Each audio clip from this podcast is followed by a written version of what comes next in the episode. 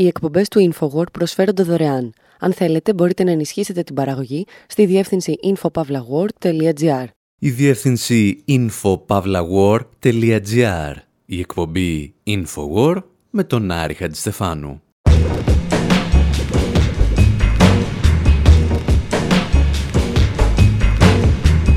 όπου σήμερα ξεκινάμε την καθιερωμένη ανασκόπηση της χρονιάς, η οποία θα ολοκληρωθεί στην επόμενη εκπομπή. Το 2023 ήταν μια χρονιά θανάτου. Αυτό όμως που ξεχωρίζει το συγκεκριμένο έτος από προηγούμενα είναι ότι ακόμη και όταν ο θάνατος ερχόταν από δυστυχήματα, αυτά θα μπορούσαν να είχαν αποτραπεί. Τη χρονιά που φεύγει προσπαθήσαμε λοιπόν να αναλύσουμε με τη ματιά ενός εξωτερικού παρατηρητή τα δυστυχήματα στα Τέμπη αλλά και στην Πύλο. Και γι' αυτά σας λέγαμε ιστορίες σαν κι αυτήν.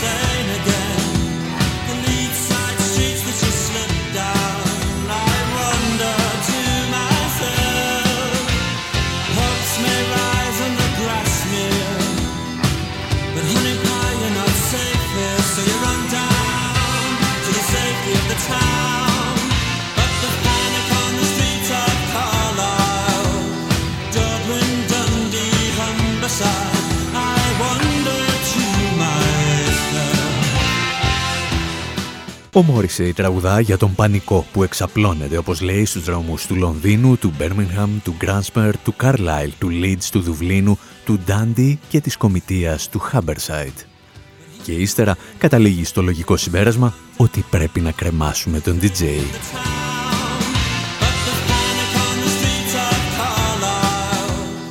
Λέγεται ότι ο Μόρισεϊ εμπνεύστηκε τους στίχους του τραγουδιού το 1986 όταν άκουσε σε ένα δελτίο ειδήσεων του BBC τις πρώτες πληροφορίες για ένα πυρηνικό δυστύχημα που είχε συμβεί κάπου στη Σοβιετική Ένωση.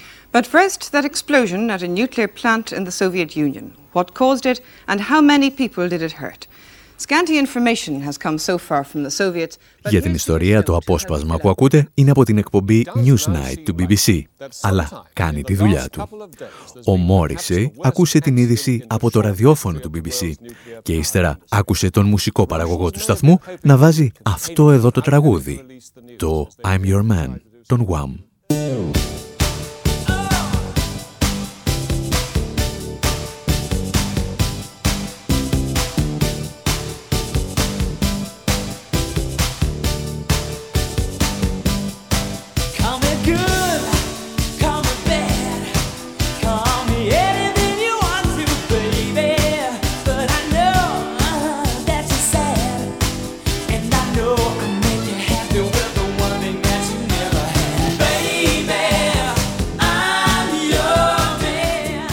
Λέγεται ότι ο Μόρισε εκνευρίστηκε τόσο πολύ που το BBC έβαλε ένα χαζοχαρούμενο τραγούδι μετά την είδηση για το Τσερνόμπιλ, ώστε έγραψε τον στίχο «Hank the DJ», «Κρεμάστε τον DJ». Και το δικαιολόγησε λέγοντας ότι η μουσική που παίζει δεν έχει να πει τίποτα σχετικά με τη ζωή μας. Ο υπόλοιπος κόσμος βέβαια είχε πολύ πιο σοβαρούς λόγους να εκνευριστεί για όσα είχαν συμβεί στην πρώην Σοβιετική Ένωση κυρίως γιατί οι πληροφορίες που έφταναν από την Ουκρανία ήταν ελάχιστες.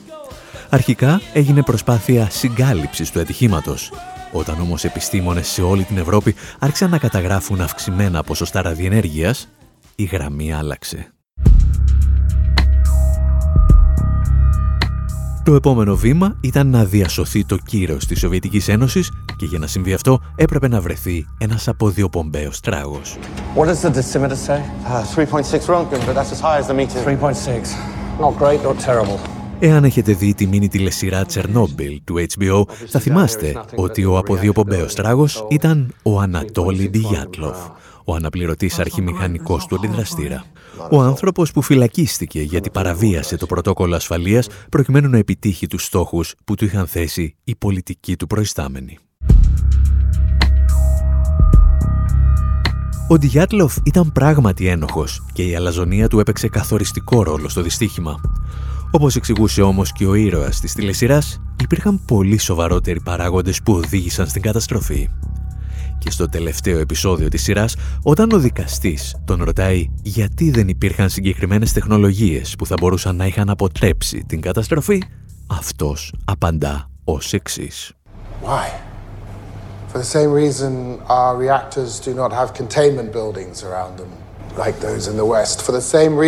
Γιατί, για τον ίδιο λόγο που οι αντιδραστές μας δεν έχουν περίβλημα γύρω τους όπως έχουν αυτοί τη Δύση. Για τον ίδιο λόγο που δεν χρησιμοποιούμε σωστά εμπλουτισμένο καύσιμο στους πυρήνες μας. Για τον ίδιο λόγο που είμαστε το μόνο έθνος που κατασκευάζει υδρόψυκτου αντιδραστήρες γραφίτι με θετικό δίκτυο απαγωγής. Απλώς για την ευθυνότερη.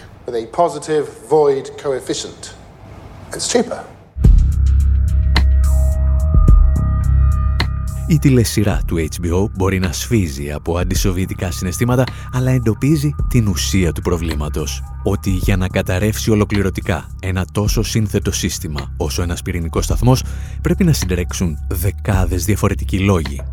Το ανθρώπινο λάθος έρχεται απλώς να θέσει σε κίνηση ένα γεγονός που ήταν βέβαιο ότι θα συνέβαινε αργά ή γρήγορα.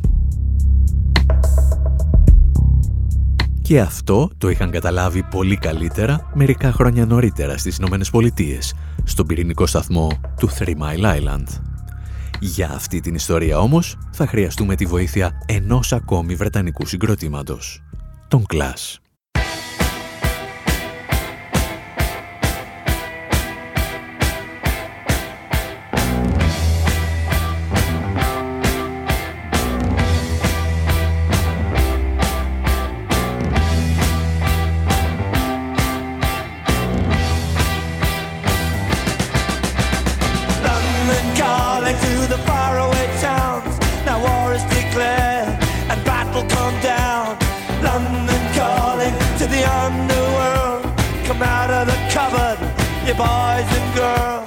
Το συγκρότημα είναι όπως είπαμε βρετανικό και το τραγούδι αναφέρεται σε μια πυρηνική καταστροφή που πλήττει το Λονδίνο, την έμπνευση για τους στίχους την έδωσε το ατύχημα που σημειώθηκε στις 28 Μαρτίου του 1979 στον πυρηνικό σταθμό του Three Mile Island, στην Πενσιλβάνια των Ηνωμένων Πολιτειών. Και όπως μπορείτε να ακούσετε και στα έκτακτα δελτία ειδήσεων της εποχής, ούτε οι Αμερικανοί δημοσιογράφοι είχαν την καλύτερη ενημέρωση για το τι ακριβώς είχε συμβεί. It was the first step in a nuclear nightmare. As far as we know at this hour, no worse than that. Ήταν το πρώτο βήμα ενός πυρηνικού εφιάλτη, αλλά σύμφωνα με όσα γνωρίζουμε μέχρι στιγμής δεν προχώρησε περισσότερο. Κυβερνητικός αξιωματούχος δήλωσε ότι η κατάρρευση σε ένα πυρηνικό εργοστάσιο στην Πενσιλβάνια αποτελεί το σημαντικότερο ατύχημα που έχει σημειωθεί σε πυρηνικό αντιδραστήρα στην ιστορία. Σύμφωνα με πληροφορίες, οι εργαζόμενοι δεν μολύθηκαν. Τα επίπεδα ραδιενέργειας όμως στο ιστορικό του εργοστασίου είναι 8 φορές υψηλότερα από αυτά που προκαλούν θάνατο. Είναι τόσο ισχυρά ώστε αφού πέρασαν από ένα τσιμεντένιο τείχο πάχους 90 εκατοστών, μπορούσαν να ανοιχνευτούν σε απόσταση περίπου 1,5 χιλιόμετρο.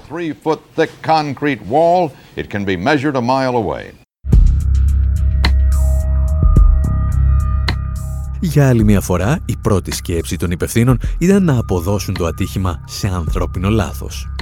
Και πράγματι είχαν γίνει αρκετά λάθη, καθώς οι τεχνικοί βάρδιας υποτίμησαν τη σοβαρότητα της κατάστασης και καθυστέρησαν στη λήψη των κατάλληλων μέτρων. Όπως αποδείχθηκε όμως, αυτό ήταν απλώς το τελευταίο και ίσως το πιο ασήμαντο στάδιο της καταστροφής. Όλα ξεκίνησαν από μια μηχανική βλάβη σε βοηθητικό σύστημα του πυρηνικού σταθμού, το οποίο, ύστερα από αλυσιδωτές εξελίξεις, είχε σαν αποτέλεσμα να διαρρεύσουν σημαντικές ποσότητες των υλικών ψήξης του σταθμού. Και τότε οι υπάλληλοι συνειδητοποίησαν ότι η κατασκευάστρια εταιρεία είχε κάνει ό,τι περνούσε από το χέρι της για να κάνει πιο δύσκολη την αντιμετώπιση του προβλήματος. Τα συστήματα έγκαιρης προειδοποίησης έστελναν αντικρουόμενα και ανακριβή στοιχεία, ενώ ακόμη και ο συναγερμός που ηχούσε στο κέντρο ελέγχου δεν αρκούσε για να καταλάβει κάποιος τι ακριβώς είχε συμβεί. Κυρίως όμως, οι υπάλληλοι δεν είχαν λάβει ποτέ την κατάλληλη εκπαίδευση για να αντιμετωπίσουν ένα τόσο σημαντικό περιστατικό.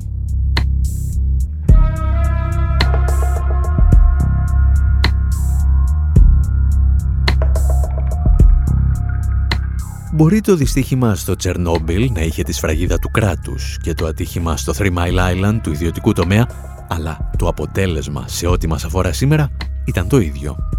Η πρώτη σκέψη των υπευθύνων ήταν να αποδώσουν το περιστατικό σε ανθρώπινο λάθος, ώστε να αποδείξουν ότι το σύστημα που αυτοί είχαν δημιουργήσει ήταν τέλειο και θα λειτουργούσε χωρίς προβλήματα εάν δεν παρενέβαιναν κάτι άνθρωποι που τα έκαναν μαντάρα. Δεν είναι διόλου τυχαίο ότι οι ερευνητές που ασχολούνται με την κατανόηση του ανθρώπινου παράγοντα σε ένα ατύχημα χρησιμοποιούν σχεδόν πάντα τα παραδείγματα πυρηνικών σταθμών για να εξηγήσουν τις θεωρίες τους. Και αυτό ακριβώς έκανε και ο καθηγητής ψυχολογίας Sidney Decker. Ο Ντέκερ έχει περάσει το μεγαλύτερο μέρος της ζωής του ερευνώντας τα λεγόμενα ανθρώπινα λάθη. Είναι μάλιστα και ο συγγραφέας ενός βιβλίου με τίτλο «Πρακτικός οδηγός για την κατανόηση του ανθρώπινου λάθους». Και σε αυτό εξηγεί ότι εδώ και αιώνες αντιμετωπίζουμε με εντελώς λάθος τρόπο την ευθύνη του ανθρώπινου παράγοντα σε ένα ατύχημα. So here's a quote from uh, colleagues in the, in the nuclear business, and it indicates a particular way of thinking about the human contribution. Σας παρουσιάζω μια δήλωση από συναδέλφους στο χώρο των πυρηνικών εργοστασίων, η οποία δείχνει ένα συγκεκριμένο τρόπο σκέψης σχετικά με το ρόλο του ανθρώπου στην επιτυχία ή την αποτυχία ενός συστήματος ασφαλείας. Λένε λοιπόν ότι είναι πλέον γενικώς αποδεκτό ότι οι ανθρώπινες αποτυχίες ευθύνονται για τα περισσότερα ατυχήματα. Οι άνθρωποι δεν κάνουν αυτό που θα έπρεπε να κάνουν. Ορισμένοι υπάλληλοι μάλιστα αντιδρούν αρνητικά στα μέτρα ασφαλείας, γεγονός που επηρεάζει τη συμπεριφορά συμπεριφορά τους.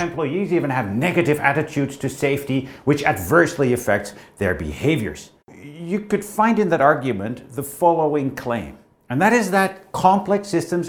Σε αυτό το επιχείρημα μπορείτε να εντοπίσετε την παρακάτω θέση. Ότι όλα αυτά τα περίπλοκα συστήματα θα ήταν τέλεια αν δεν υπήρχε συμπεριφορά αυτών των ανθρώπων μέσα στο σύστημα. Οι άνθρωποι που δεν θέλουν να υπακούσουν τους κανόνες, άνθρωποι που δεν ακολουθούν τις οδηγίες της εργοδοσίας, άνθρωποι που δεν κάνουν ό,τι θα έπρεπε να κάνουν. Το σύστημα λοιπόν είναι μια χαρά εκτός από αυτούς τους ανθρώπους. So the system is fine except for these people. Αν ακολουθήσεις αυτόν τον τρόπο σκέψης, εξηγεί ο Ντέκερ, έχεις μόνο μία οδό για να αντιμετωπίσεις το πρόβλημα. Και αυτή η οδός, πρώτον, είναι της κακίας και δεύτερον, είναι λανθασμένη. The solution in this belief is that compliance with a priori η απάντηση που δίνεται σε αυτό το πρόβλημα λέει ότι η συμμόρφωση με τους προκαθορισμένους κανόνες και τις διαδικασίες θα δημιουργήσει ένα ασφαλές σύστημα. Οι άνθρωποι λοιπόν είναι απλώς επιστάτες ενός συστήματος το οποίο είναι ήδη ασφαλές και δεν αντιμετωπίζει εσωτερικά προβλήματα. Το μόνο που πρέπει να κάνουν είναι να ακολουθήσουν τις εντολές που λαμβάνουν. Αυτές οι απόψεις εντάσσονται στη λεγόμενη παλαιά θεώρηση για το ανθρώπινο λάθος.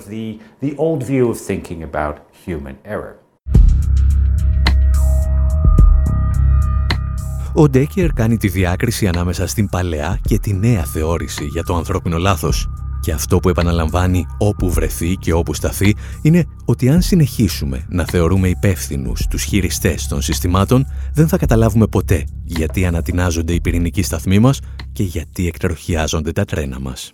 If you arrive at the conclusion of human error, say they lost situation awareness, or they were complacent, and, or they should have tried harder by any other label, then you have Αν καταλήξει ένα συμπέρασμα για το ανθρώπινο λάθος, σύμφωνα με το οποίο οι άνθρωποι έχασαν τον έλεγχο της κατάστασης ή δεν προσπάθησαν αρκετά ή δεν υπάκουσαν σε εντολέ, τότε έχεις καταλήξει ότι αυτό το ανθρώπινο λάθος ήταν η αιτία του προβλήματος. Και όταν εντοπίσεις τον άνθρωπο που έκανε το λάθος, έχεις ξεμπερδέψει. Η νέα θεώρηση για το ανθρώπινο λάθος λέει όχι, αυτή είναι μόνο η αρχή, γιατί το ανθρώπινο λάθος λάθος δεν είναι αιτία του προβλήματος. Το ανθρώπινο λάθος είναι το αποτέλεσμα ή ένα σύμπτωμα ενός προβλήματος που βρίσκεται ήδη μέσα στο σύστημά σου. Είναι ένα βαθύτερο πρόβλημα που αφορά τον τρόπο με τον οποίο το έχεις οργανώσει και τον τρόπο με τον οποίο χρησιμοποιείς την τεχνολογία και τα εργαλεία που έχεις στη διάθεσή σου. Ω εκ τούτου, το ανθρώπινο λάθος είναι αφιτερία της έρευνας. Όταν το βρεις, ξέρεις από πού να ξεκινήσεις, όχι πού να τελειώσεις. Αυτή είναι η αφιτερία της έρευνάς σου. This is where you begin your investigation. Το αν θα ακολουθήσεις την παλιά ή τη νέα θεώρηση για το ανθρώπινο λάθος είναι μια απόφαση αμυγός πολιτική και ενίοτε ιδεολογική. Η αντίληψη που θέλει το άτομο να έχει προσωπική ευθύνη για ένα ατύχημα σε ένα περίπλοκο σύστημα είναι βαθιά φιλελεύθερη και πάντα, μα πάντα, εκφράζεται από τους ισχυρούς εναντίον των αδυνάτων.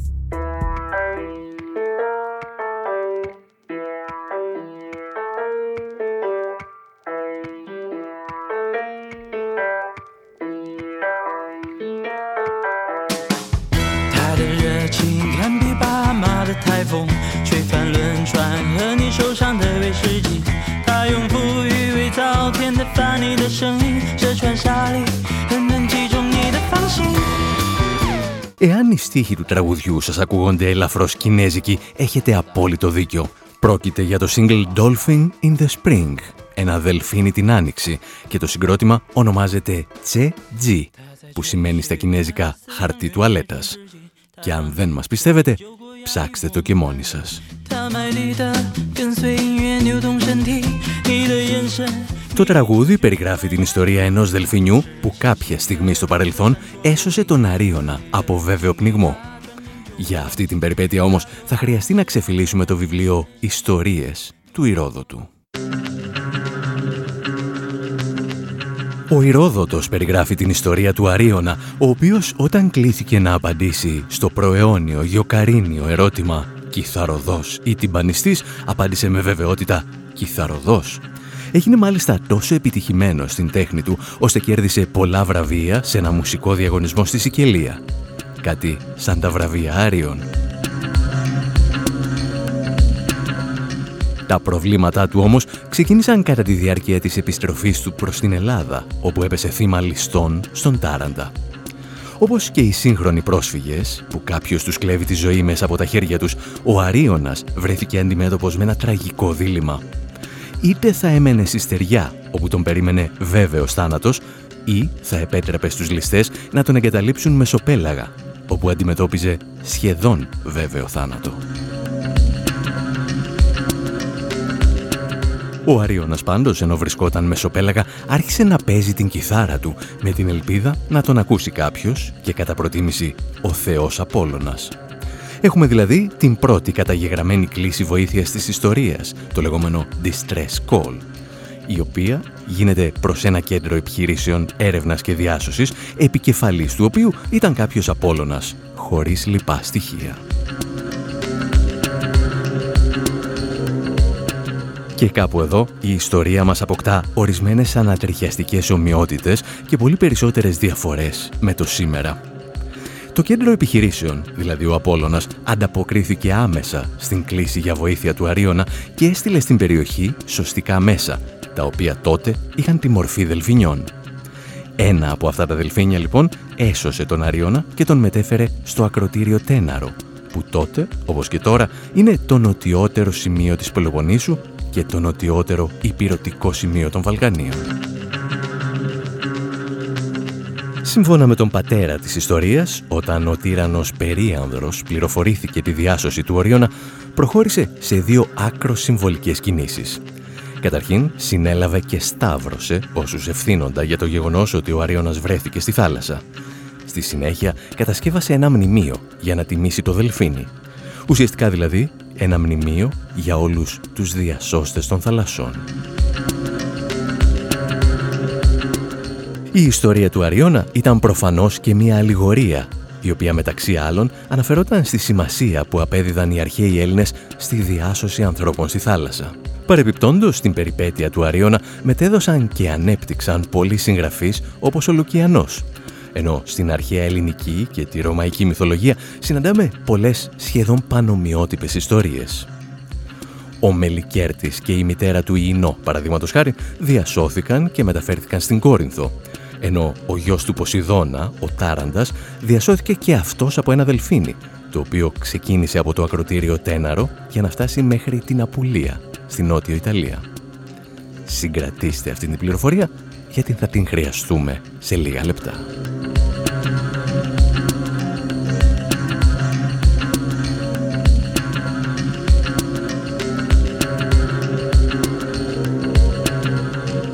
Ας δούμε λοιπόν τώρα πώς θα κατέγραφε σήμερα ο Ηρόδοτος στην τραγωδία των προσφύγων ανοιχτά της πύλου. Το σήμα κινδύνου για το αλευτικό θα είχε φτάσει προφανώς στον Θεό Απόλλωνα, τον οποίο σήμερα θα τον ονομάσουμε Κέντρο Επιχειρήσεων. Μπορεί να μην το είχε στείλει ο Αρίωνας με την κιθάρα του, αλλά γνωρίζουμε πολύ καλά ότι είχε ενημερώσει η Frontex, η οποία παρακολουθούσε την περιοχή. Σύγχρονος Απόλλωνας όμως δεν ανταποκρίθηκε έγκαιρα στην έκκληση βοήθειας. Εκτός εάν ανταποκρίθηκε και προσπάθησε να πραγματοποιήσει ένα ακόμη παράνομο pushback, όπως είχε συμβεί παλαιότερα και στο Φαρμακονήσι.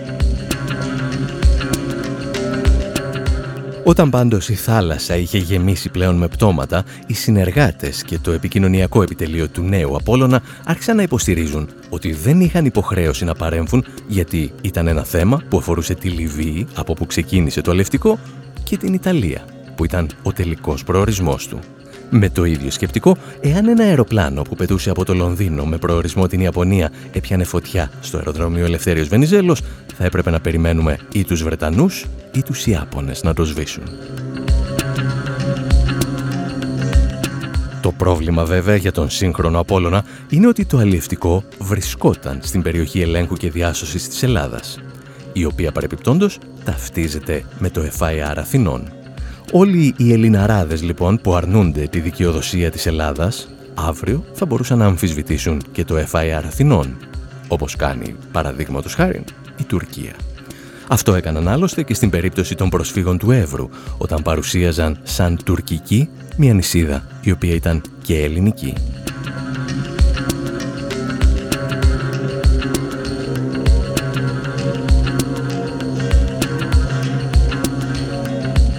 Και μία ακόμη λεπτομέρεια. Όπως είπαμε, όταν κινδύνευσε στη θάλασσα ο Τάραντας, ο γιος του Ποσειδώνα, η αποστολή διάσωσης ξεκίνησε από την Πελοπόννησο για να πάει στην Απουλία, στη Νότια Ιταλία. Και κανένας δεν ρώτησε τότε εάν η Απουλία βρίσκεται στη ζώνη ελέγχου και διάσωσης της Ελλάδας. Γιατί ένας ναυτικός λαός δεν ρωτά ποτέ αν είναι δική του δικαιοδοσία να σώσει ανθρώπους που κινδυνεύουν στη θάλασσα.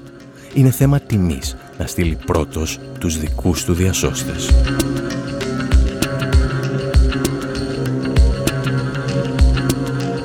Στα τέμπη λοιπόν κάποιοι επιχείρησαν να ονομάσουν ανθρώπινο λάθος μια δομική αδυναμία του συστήματος. Μια αδυναμία δηλαδή που ήταν αποτέλεσμα συγκεκριμένων πολιτικών αποφάσεων. Οι ίδιοι άνθρωποι την ίδια χρονιά επιχείρησαν να παρουσιάσουν σαν δυστύχημα τη μαζική δολοφονία μεταναστών ανοιχτά της πύλου. Και εμείς τους θυμίζαμε τι σημαίνει αυτό για τον πολιτισμό της Μεσογείου. Εσείς πάλι μένετε εδώ, γιατί στο δεύτερο μέρος εκπομπής συνεχίζουμε την ανασκόπηση της χρονιάς με δύο ελαφρώς πιο ελαφριές ιστορίες. Οι εκπομπές του InfoWord προσφέρονται δωρεάν. Αν θέλετε, μπορείτε να ενισχύσετε την παραγωγή στη διεύθυνση infopavlagor.gr.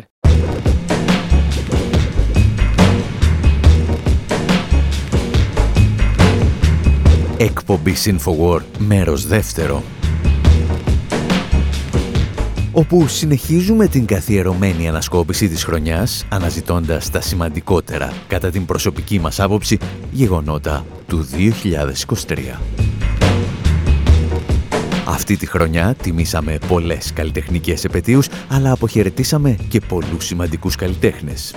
Και σήμερα λέμε να θυμηθούμε την επέτειο των 50 χρόνων από τη δημιουργία της hip hop στη Νέα Υόρκη, αλλά και το θάνατο του Χάρι Μπελαφόντε. Here we go now. Here we go. At the count of three, I want everybody in the place to be to make some noise if you're down with me. One, two, three. Hit me with the horn, 20. Keep making noise. Keep making noise. Yeah.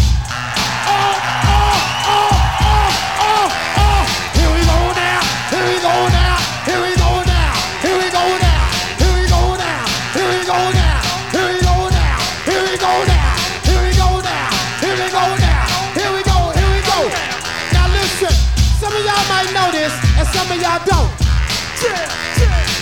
Some of y'all might get witness, and some of y'all won't, but listen, let me clear my throat.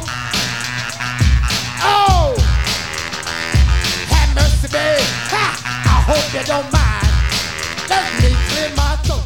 Ο κύριος που σας ιστορεί ακούει στο όνομα DJ Cool Herc, κατά κόσμο Clive Campbell, και θεωρείται ο άνθρωπος που δημιούργησε τη hip-hop μουσική σκηνή και όπως θα διαβάσετε σε εκατοντάδες αφιερώματα, το έκανε πριν από μισό αιώνα.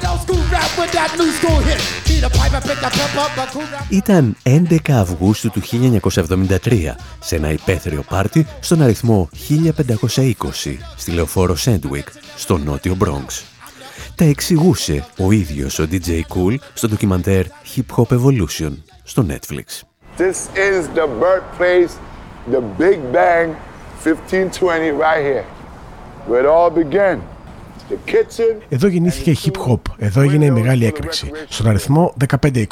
Εκείνη την εποχή οι συμμορίες έμπαιναν και τομοκρατούσαν τον κόσμο στα πάρτι. Πήγαμε λοιπόν και τους ρωτήσαμε αν μπορούμε να κάνουμε ένα πάρτι. Τους άρεσε η μουσική που έπαιζα και τα υπόλοιπα ανήκουν στην ιστορία.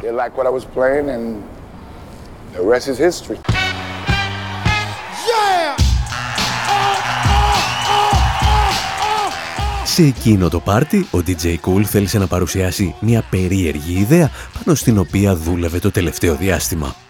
Έστησε δύο pick-up, το ένα δίπλα στο άλλο, και τοποθέτησε δύο πανομοιότυπους δίσκους. Έτσι μπορούσε να απομονώσει και να παίζει συνεχώς μόνο τα break των τραγουδιών.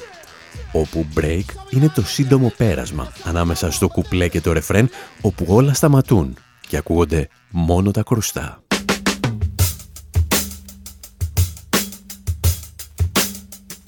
Δίπλα στον DJ Cool στεκόταν ο Κόκλα Rock, ο οποίος όταν δεν πουλούσε μικρά σακουλάκια με κάναβη στους παρευρισκόμενους, έπαιρνε το μικρόφωνο και φώναζε τα ονόματα των φίλων του που έβλεπε να έρχονται στο πάρτι.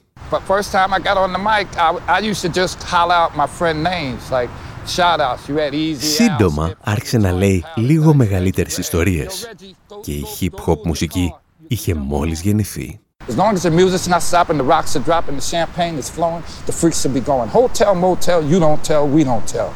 One time, Route 9. Αυτή τουλάχιστον είναι η ελαφρώς απλουστευτική ιστορία που ακούς verbatim τις τελευταίες εβδομάδες στο Μανχάταν, καθώς η Νέα Υόρκη γιορτάζει τα 50 χρόνια από τη δημιουργία ενός μουσικού είδους το οποίο πλέον έχει ξεπεράσει σε πωλήσεις και δημοτικότητα τη ροκ μουσική. Προφανώς το να εντοπίσεις τη γέννηση της ραπ σε μια συγκεκριμένη ημερομηνία είναι σαν να δηλώνεις ότι ξέρεις πότε γεννήθηκε η jazz ή πότε τραγούδισε για πρώτη φορά ο πρώτος πρωτόγονος άνθρωπος. Οι ημερομηνίες όμως βοηθούν στις επαιτειακές εκδηλώσεις, ειδικά όταν σε αυτές εμπλέκονται ορισμένες από τις μεγαλύτερες επιχειρήσεις της χώρας, δημόσια ιδρύματα, αλλά και ο Δήμος της πόλης. Σήμερα μπορείς να διαβάσεις για την ιστορία του DJ Cool στην ιστοσελίδα του οίκου δημοπρασιών Κρίστης, όπου μπορείς να αγοράσεις και μερικές Polaroid της εποχής. Ή μπορείς να προμηθευτείς την κάρτα της Δημόσιας Βιβλιοθήκης του Μανχάταν, η οποία σχεδιάστηκε ειδικά για τα 50 χρόνια της hip Η δική μας ιστορία όμως εκτιλήσεται σε μια εποχή που οι θεσμοί του Αμερικανικού κράτους αλλά και οι μεγάλες επιχειρήσεις της χώρας βρίσκονταν σε πόλεμο με τους ανθρώπους που δημιούργησαν τη hip-hop. Μια εποχή που το νότιο Bronx θύμιζε τη Βηρητό στα χρόνια του εμφυλίου πολέμου. I am the BX. I am truly a Bronx tale. Don't get my nomadic trail, laying my head across five boroughs, confused with this. Boogie down is where I hang my heart. From the brick faced walls of Morris Projects to Katona Park. It's not perfect because it's not God, but God knows this is where she places hope to be born. Struggle balanced by big dreams. Even the minds of psychedelic hustlers explode with grand schemes. My homie Ilion says, on the top of some buildings, you can find 5 chillin' ready to get you pop. True, but it's also the birthplace of hip hop, the original school of hard knocks, where Cool Herc, BDP, and Soul Sonic Planet Rock. This is where Tila Rock shouted, It's yours. Ο Ελ Νταβίτ μας ξαναγεί στη γειτονιά του στο νότιο Μπρόγκς. Μια περιοχή που όπως λέει δεν είναι τέλεια γιατί δεν είναι θεός. Είναι όμως η περιοχή όπου γεννήθηκε η hip hop από ανθρώπους όπως ο DJ Cool. Ήταν επίσης μια γειτονιά που κεγόταν. Listen closely, your heart might feel the beat Εδώ ο Ελ Νταβίντ δεν μιλά μεταφορικά. Η φράση «το Bronx καίγεται» δημιουργήθηκε στις αρχές της δεκαετίας του 70, όταν στη συγκεκριμένη περιοχή ξεσπούσαν οι περισσότερες πυρκαγιές σε πολυκατοικίες από οποιοδήποτε άλλο σημείο των Ηνωμένων Πολιτειών. Ενδεχομένως και από οποιοδήποτε άλλο σημείο του πλανήτη. Το BBC μάλιστα έστελνε τους δημοσιογράφους του να καλύψουν το γεγονός σχεδόν όπως θα το έκαναν και σε μια βομβαρδιζόμενη πόλη.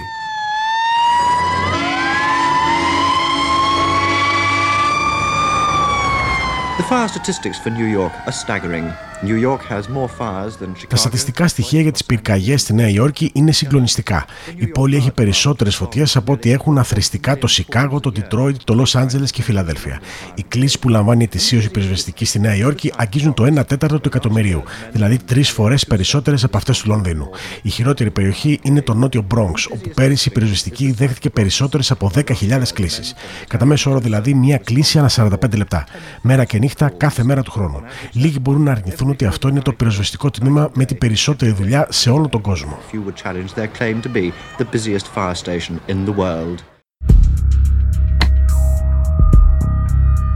Οι συνάδελφοι του BBC είχαν απόλυτο δίκιο, αλλά το σημείο που λένε ότι οι πυροσβέστες του Bronx είχαν την περισσότερη δουλειά στον πλανήτη επιδέχεται πολλές και διαφορετικές ερμηνείες.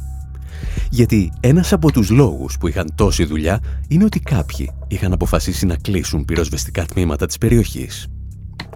Όπως έκλειναν και νοσοκομεία και άλλες κρίσιμες υποδομές. Γιατί αυτοί οι κάποιοι ήθελαν να αδειάσουν το νότιο Μπρόγκς από τους κατοίκους του. Για δεκαετίες στο συλλογικό υποσυνείδητο των κατοίκων της Νέας Υόρκης εντυπώθηκε η βεβαιότητα ότι για τις πυρκαγιές ευθύνονταν οι κάτοικοι του Μπρόγκς και συγκεκριμένα οι τοπικές συμμορίες που είχαν εισέλθει σε μια δίνη αυτοκαταστροφικής βίας. Όπως εξηγούσε όμως η σκηνοθέτηδα Vivian Irizarry στο ντοκιμαντέρ Decade of Fire, οι πραγματικοί εμπριστές ήταν οι ιδιοκτήτες των κτηρίων που τα πυρπολούσαν για να παίρνουν τις αποζημιώσεις από τις ασφαλιστικές. Ήταν επίσης το Αμερικανικό κράτος, το οποίο ήδη από την εποχή της Μεγάλης Ήφεσης, τη δεκαετία του 30, είχε μετατρέψει το Bronx σε ένα κοινωνικό κεάδα. Εδώ τα εξηγεί στο Democracy Now! And it wasn't that all of a sudden the fire, the Bronx began to burn. You know, we revealed το Bronx δεν άρχισε να καίγεται ξαφνικά από μόνο του. Η περιοχή δεν λάμβανε καθόλου χρήματα για την αναπαλαίωση των παλαιών κτηρίων. Παράλληλα στην περιοχή είχαν εισέλθει 150.000 εσωτερικοί μετανάστες. Οι κοινωνικές δαπάνες είχαν ψαλιδιστεί και αυτό περιλαμβάνει και την πυροσβεστική υπηρεσία. Όλοι αυτοί οι παράγοντες συνέβαλαν στις φωτιές.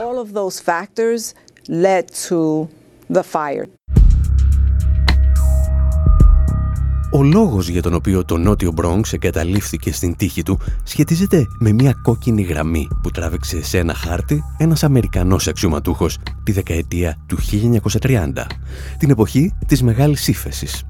Τα εξηγούσε παλαιότερα το ραδιόφωνο του NPR. The practice dates back to the 1930s when the federal government raided neighborhoods to help mortgage lenders decide which areas of Η πρακτική αυτή ανάγεται στην δεκαετία του 1930 όταν η Ομοσπονδιακή Κυβέρνηση αξιολόγησε τις γειτονιές για να βοηθήσει τις τράπεζες που προσέφεραν ενυπόθηκα δάνεια να αποφασίσουν ποιες περιοχές των πόλεων παρουσίαζαν μεγαλύτερο ρίσκο. Οι γειτονιές με Αφροαμερικανούς και μετανάστες θεωρούνταν σχεδόν πάντα ως μεγαλύτερο ρίσκο και σημειώνονταν με κόκκινους χάρτες. And they were marked in red on maps. Το κράτος λοιπόν, λειτουργώντας για λογαριασμό των τραπεζών και των ασφαλιστικών εταιριών, μαρκάριζε με κόκκινο μαρκαδόρο τις περιοχές που ζούσαν μαύροι και λατινόφωνοι. Γι' αυτό το φαινόμενο ονομάστηκε redlining. Αυτό το μαρκάρισμα εξασφάλιζε ότι οι συγκεκριμένες κοινότητες λάμβαναν πολύ λιγότερα χρήματα από τον κρατικό προϋπολογισμό όπως είχαμε εξηγήσει μάλιστα και σε παλαιότερη εκπομπή, ακόμη και σήμερα μπορείς να καταλάβεις ποιες περιοχές είχαν μαρκαριστεί με κόκκινο αν παρατηρήσεις δορυφορικές απεικονίσεις της NASA που καταγράφουν τη θερμοκρασία σε διαφορετικές γειτονιές κάθε πόλης. Στις περιοχές που ζούσαν ή συνεχίζουν να ζουν μαύροι, οι θερμοκρασίες είναι έως και κατά 5 βαθμούς Κελσίου υψηλότερες γιατί εκεί κανένας δεν έδωσε χρήματα για να δημιουργηθούν χώροι πρασίνου, ή για να βελτιωθεί η ενεργειακή απόδοση των κτίριων.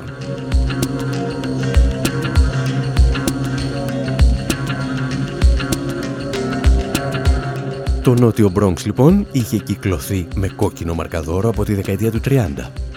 Για σχεδόν 40 χρόνια όμως κατάφερνε να κρύβει τις πληγές του, καθώς η Αμερική ζούσε το μεταπολεμικό όνειρο της συνεχούς οικονομικής ανάπτυξης.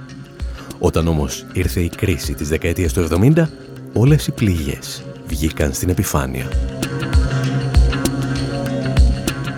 Και ήταν σε αυτές τις συνθήκες ταξικού πολέμου που δημιουργήθηκε η hip-hop κουλτούρα γενικότερα και η hip-hop μουσική ειδικότερα.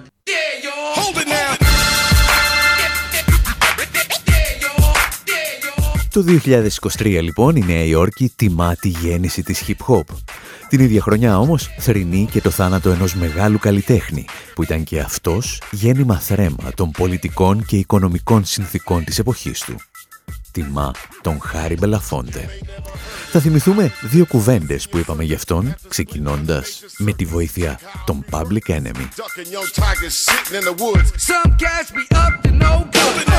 I'm Jack Nicholas to my hood from the Velt, Roosevelt. You know what's wild? I never felt like some motherless or fatherless child. So I grew up to change the style. Uh. I don't care what some companies spend, it's inevitable. They cannot prevent the event. Through it all, I tell them all just to stand tall. If I fall, just add another face to the wall. After all, these are the faces they don't show. Cause these are the names they don't want you to know. Yes, we can. Hey! No, we can't. Cause most of my heroes still don't appear in no stamp. Come on!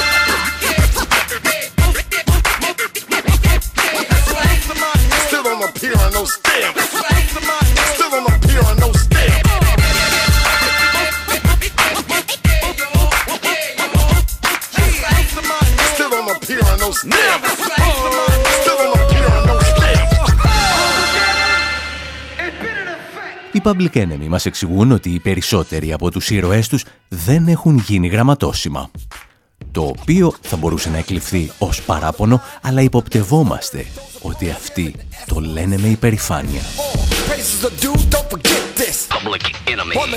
Και ανάμεσα στους ήρωες των Public Enemy ακούμε ότι συγκαταλέγονται ο Huey Newton από τους Μαύρους Πάνθυρες, η Angela Davis και ο Χάρι Μπελαφόντε. Και αν αναρωτιέστε γιατί ξεκινήσαμε με hip-hop μια εκπομπή αφιερωμένη στον Χάρι Μπελαφόντε, τον άνθρωπο δηλαδή που έφερε στο ευρύ κοινό τη μουσική καλύψο, η απάντηση είναι γιατί πιστεύουμε ότι θα του άρεσε. Για την ακρίβεια, είχε πολύ συγκεκριμένη άποψη για την hip-hop. Ήταν, λέει, ό,τι καλύτερο είχε συμβεί τις τελευταίες δεκαετίες, μέχρι που ήρθε ένας κύριος με ένα σακουλάκι και κάτι αργύρια.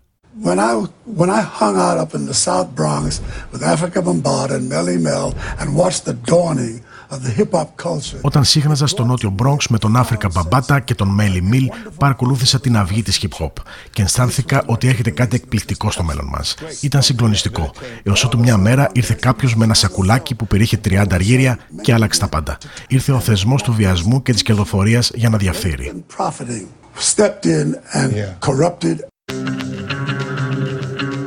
Ο Χάρι Μπελαφόντε κάνει μια πολύ συγκεκριμένη διάκριση μιλώντας για την hip-hop. Παρακολουθεί μια πολιτισμική επανάσταση των μαύρων, την οποία κάποιοι προδίδουν μαγεμένοι από τα δώρα που έχουν να τους προσφέρουν τα αφεντικά τους. Και αυτή έλεγε ήταν πάντα η ιστορία των μαύρων στην Αμερική. Το εξηγούσε μάλιστα αναφερόμενος σε αυτή την ιστορική ομιλία του Μάλκομ Εξ. You have to read the history of slavery to understand this. There were two kinds of Negroes. There was that old house Negro and the field Negro.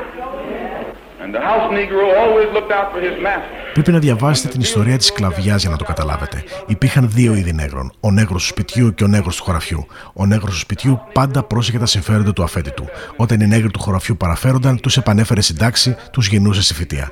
Ο νέγρος του σπιτιού το έκανε αυτό γιατί ζούσε καλύτερα από τον νέγρο του χωραφιού. Έτρωγε καλύτερα, ντυνόταν καλύτερα και ζούσε σε ένα καλύτερο σπίτι. Όταν έπαιρνε φωτιά το σπίτι του αφέντη, προσπαθούσε να τη σβήσει. Δεν ήθελε να καεί το σπίτι του αφέντη. Αυτός ήταν ο νέγρος του σπιτιού. Έπειτα έχουμε τους νέγρους του χωραφιού που ζούσαν σε καλύβες. Δεν Δεν είχαν τίποτα να χάσουν. Φορούσαν τα χειρότερα ρούχα, έτρωγαν το χειρότερο φαγητό και ένιωθαν το χτύπημα του μαστιγίου στο πετσί τους. Μισούσαν τον αφέντη τους. Αν ο αφέντης αρρώστενε, προσεύχονταν να πεθάνει.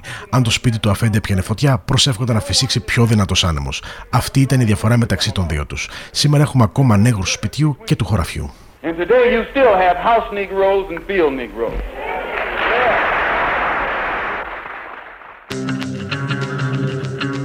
Ο Μπελαφόντε έμαθε λοιπόν από τον Μάλκομ Εξ για τους νέγρους του σπιτιού και τους νέγρους του χωραφιού και αποφάσισε να τους αναζητήσει και στην εποχή μας. Πριν από δύο δεκαετίες δήλωσε δημόσια ότι ο τότε Υπουργός Εξωτερικών Κόλιν Πάουελ και η Σύμβουλος Εθνικής Ασφάλειας Κοντολίζα Ράις ήταν νέγροι του σπιτιού γιατί πρόδωσαν λέει τις ρίζες τους και έγιναν τα πιο πιστά σκυλιά των αφεντικών τους. Το ενδιαφέρον με τη συγκεκριμένη δήλωση για τον Πάουελ ήταν ότι αποτελούσε αυτό που στο σκάκι αποκαλούμε διπλή απειλή ή κίνηση πυρούνη. Δεν χτυπούσε μόνο τους νεοσυντηρητικούς του Μπούς που ετοιμάζονταν για την εισβολή στο Ιράκ, αλλά και τους φιλελεύθερους δημοκρατικούς.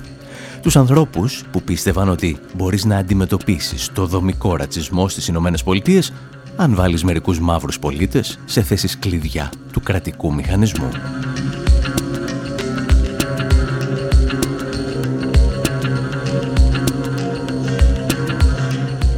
Ο Χάρη Μπελαφόντε πάντως φρόντιζε να παραμένει πάντα ο νέγρος του χωραφιού και νιώσε στο πετσί του τι σημαίνει αυτό όταν επέστρεψε στην Αμερική αφού πολέμησε για την πατρίδα του στο Δεύτερο Παγκόσμιο Πόλεμο.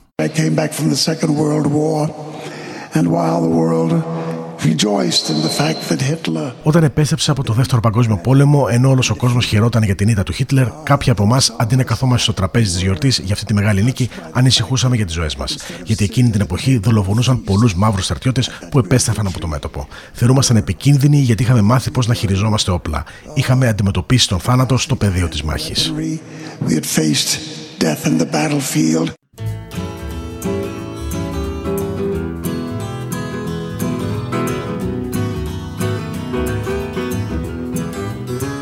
This land is your land, this land is my land.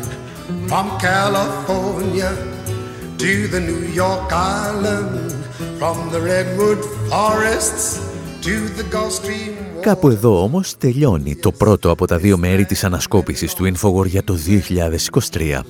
Ολόκληρες τις εκπομπές μπορείτε να τις βρείτε στη διεύθυνση info.pavlawar.gr ή όπου κατεβάζετε τα podcast που ακούτε. Πριν σας αφήσουμε όμως, θέλουμε να πούμε ένα πολύ μεγάλο ευχαριστώ σε όσους στηρίξατε οικονομικά και συνεχίζετε να στηρίζετε το Infowar σε όλες του τις μορφές. Και θέλουμε να πούμε ένα επίσης μεγάλο ευχαριστώ σε όσους αγόρασαν την περασμένη χρονιά το βιβλίο «Προπαγάνδα και παραπληροφόρηση» από τις εκδόσεις «Τόπος» φέρνοντάς το στις πρώτες θέσεις με τα ευπόλυτα βιβλία της χρονιάς. Μέχρι την επόμενη και τελευταία εκπομπή του χρόνου πάντως, από τον Άρη Χατζηστεφάνου στο μικρόφωνο, τον Ανδρέα Κοσιάρη σε έρευνα και μεταφράσεις και τον Δημήτρη Σταθόπουλο στην τεχνική επιμέλεια, γεια σας και χαρά σας.